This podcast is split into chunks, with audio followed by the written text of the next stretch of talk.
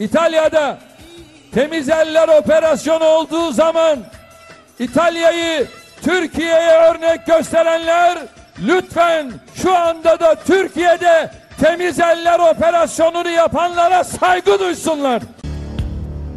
Adı Gladio, kurucusu CIA. Yeri NATO içindeki özel harp birimleri. Türkiye 1950'lerden itibaren faaliyete sokulan Gladio'dan hala kurtulamadı.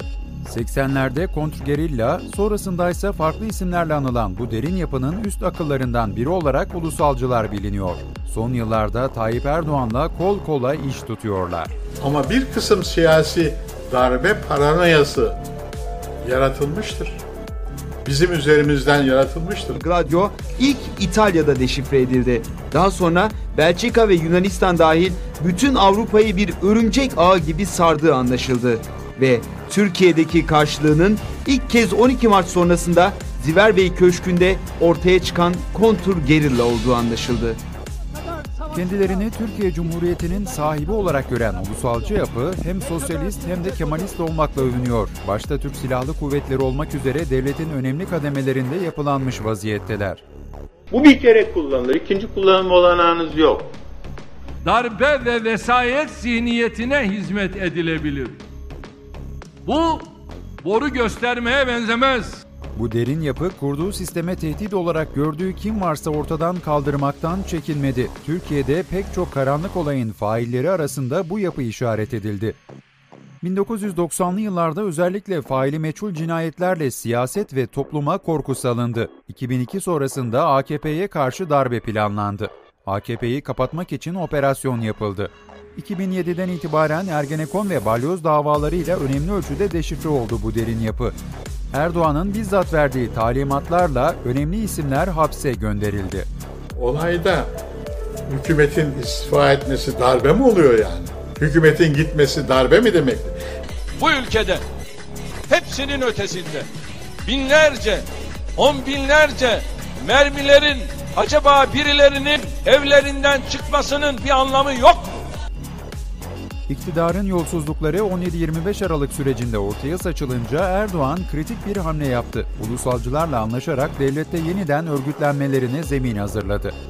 15 Temmuz 2016 sonrasında ise suça bulaşmış ulusalcı isimler devlette önemli kademelere getirildi. Şimdi iktidarını korudukları Erdoğan tarafından yeniden hedef seçildiler. Birçok farklı fraksiyondan oluşan ulusalcıların en medyatik ismi Doğu Perinçek. Adını vatan olarak değiştiren İşçi Partisi'nin değiştirilemez başkanı 50 yıllık siyasi hayatında sayısız gömlek değiştirdi. Bu politik esnekliği sayesinde Bay Matruşka olarak nitelendiriliyor. Ergenekon davaları nedeniyle girdiği cezaevinden 17-25 Aralık operasyonları sonrası çıkarıldı. Mart 2014'te yaptığı şu konuşmada Erdoğan'la anlaşmanın çerçevesini çizmişti. Ergenekon'a hapsettiler. Ve şimdi Ergenekon'dan çıkıyoruz. Cemaatlerin, tarikatların kökünü kazıyacağız. Ümitçi Mehmet Eymür'ün İngiliz ajanı dediği Perinçek, AKP her sıkıştığında imdada koşuyor. Yıllardır süren ittifakın gereğini yapıyor Perinçek. Erdoğan'a açık açık kasetli hatırlatma yapmaktan da hiç çekinmiyor. Perinçek tamamen İngiliz istihbaratıyla Amerikalıların adamıdır diyor. Sen Türkiye'nin en şerefli adamına bir tane adi süprüntünün şeyin sözleriyle lekelemeye çalışıyor. 38 tane Tayyip Erdoğan'ın telefon konuşmaları var. Hepsi hırsızlık ve yolsuzluk. Ulusalcıların vitrindeki önemli isimlerinden biri de İyi Parti'den ihraç edilen eski MHP'li Ümit Özdağ. Geçen yıl Zafer Partisi'ni kuran Özdağ'ın ırkçı tavırları tepki çekiyor. Zafer Partisi Genel Başkanı Ümit Özdağ, ırkçı açıklamalarıyla sık sık gündeme geliyor. Ümit Özdağ neden kimlik sordu demek utanmazlığın ve terbiyesizliğin dik alasıdır. Ali Babacan ya dayak yememiş ya sayı saymayı bilmiyor. Radikal çıkışlarıyla tanınan ulusalcı yazar Nihat Genç de topluma nefret tohumları eken biri. Bir dönem Oda TV ve Akşam'da öfke kusuyordu. Şimdilerde ekranlardan acımasız intikam çağrısı yapıyor. Bunlar af yok. Sonra bu davaları biter. Alırız 500 ceza biter. Yok böyle bir şey. Bu davalar bitsin. Türk milletin intikamı başka. Türk milletin intikamına başka çıkacağız. Hepsi takiptedir. Suçlu suçsuz suçlanamayan, belgesi bulunamayan kim varsa şu anda hepsi Türkiye Barolar Birliği eski başkanı Metin Feyzioğlu Erdoğan'a en sert muhalefeti yapanlardandı. 15 Temmuz sonrası birdenbire sarayın gözdesi oldu. Erdoğan için baro seçimlerini erteletecek kadar ileri gitti. Devleti kutsal bilir. Cumhurbaşkanı Erdoğan, açılışa gelmeyen baro başkanlarına tepki gösterirken, Türkiye Barolar Birliği Başkanı Metin Feyzioğlu'na ise teşekkür etti. Bizim için vatan söz konusu ise gerisi teferruattır. 76 milyonun cumhurbaşkanını seçtiğim... Kızmayın Sayın Başbakanım. Güzel bir şey. Güzel bir şey söylüyorum Sayın Başbakan. Neyi yanlış söyledim Sayın Başbakan? Burada çok yapıcı bir konuşma. Efendim edepsizlik yapan ben değil. İstanbul Barosu eski başkanı Ümit Kocasakal da ulusalcıların önemli isimleri arasında. CHP'nin başına geçme hevesi kursağında kalsa da 15 Temmuz'da Erdoğan'ı memnun etmeyi bildi. Nasıl mı? 15 Temmuz sonrası gözaltına alınan şüphelilere avukat vermeyerek. Kurtuluş kuruluştadır. Kişi değil, fikir adayıdır. Ulusalcıların en önemli algı merkezlerinden biri Oda TV. Derin ilişkileriyle bilinen gazeteci Soner Yalçın Oda TV'nin sahibi. Elde ettiği gizli belgelerle, yaptığı haberlerle tanınıyor. Oda TV 2007 yılından bu yana yayında. Özellikle 15 Temmuz sonrası Erdoğan'ın aparatına dönüştü.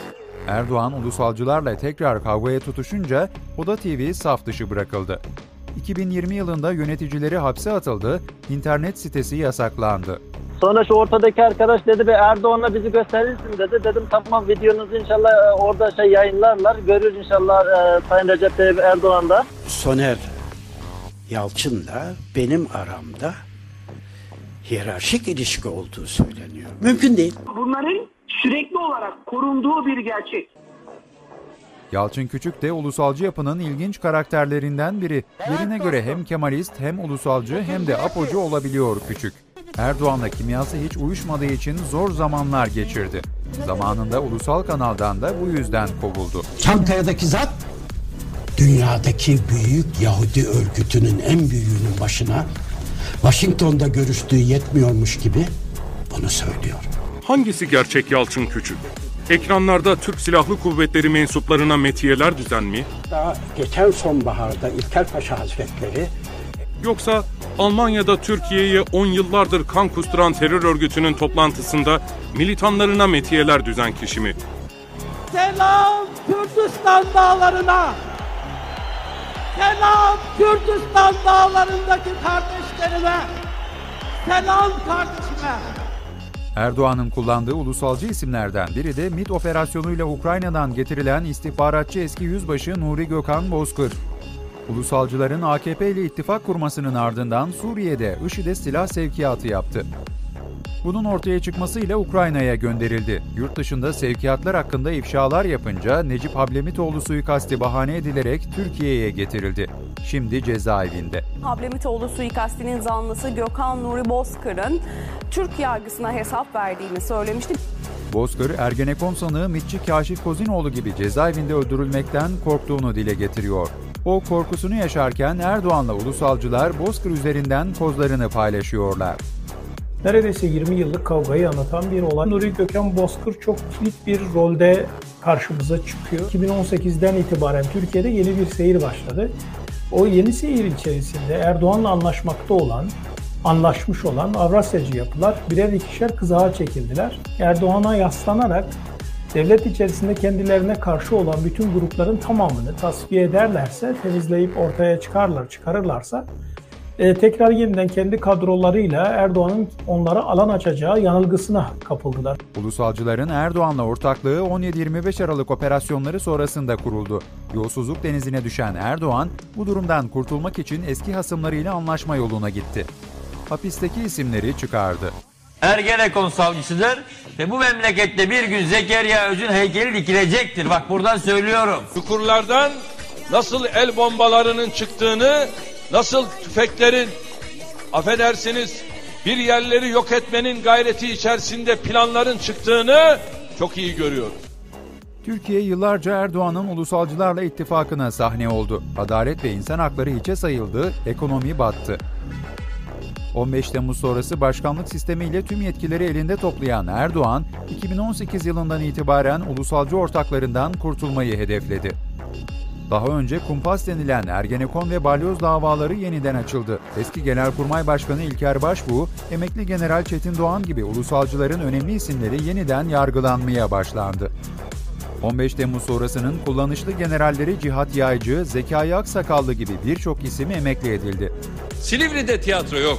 Silivri'de milletin hakimleri, savcıları milletin adına sanıkları yargılıyor.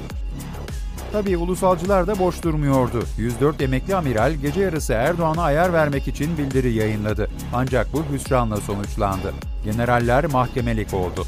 Efendim siyaset dünyasında hafta sonunun gündemine 104 emekli amiralin altına at, imza attığı bildiri belirledi. Bildirinin hazırlanma fikrini emekli amiral Metin Açımız ortaya attı. Bu bildirinin iki tane iddiası var. Birinci iddiası Türkiye'nin güvenliğiyle ilgili. İkinci iddiası da irticaya karşı tavır. Son Yüksek Askeri Şura'da ulusalcıların TSK'daki önemli ismi Ümit Dündar yaş haddinden emekliye sevk edildi. Kara Kuvvetleri Komutanı olan Dündar'ın Genelkurmay Başkanı olması bekleniyordu. Türk Silahlı Kuvvetleri emir ve komuta zinciri tarafından ilk andan itibaren reddedilmiştir.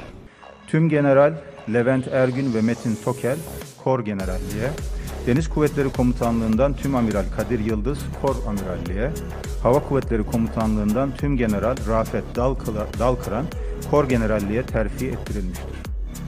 Erdoğan askeriye dışında da operasyon yapıyor. Ulusalcı bürokratlar görevden alınıyor ve kızağa çekiliyor. Tüm bunlar yaşanırken ulusalcılar AKP ile yeniden elde ettikleri gücü kaybetmek istemiyorlar. AKP'den kurtulmanın ve iktidarı ele geçirmenin yollarını arıyorlar iç karışıklık gibi süreçler sonrasında iktidara el koymak istedikleri kulislerde konuşulanlar arasında. Yeni bir darbe söylentisi e, eklendi. Kulislerde böyle bir söylenti dolaşıyor. Bir dedikodu bir yayıldı. Darbe mi olacak diye herkes bunu konuşuyor. Bütçeyi doğru kullanın. Biz e, senenin ikinci yarısında ülkeyi biz yöneteceğiz.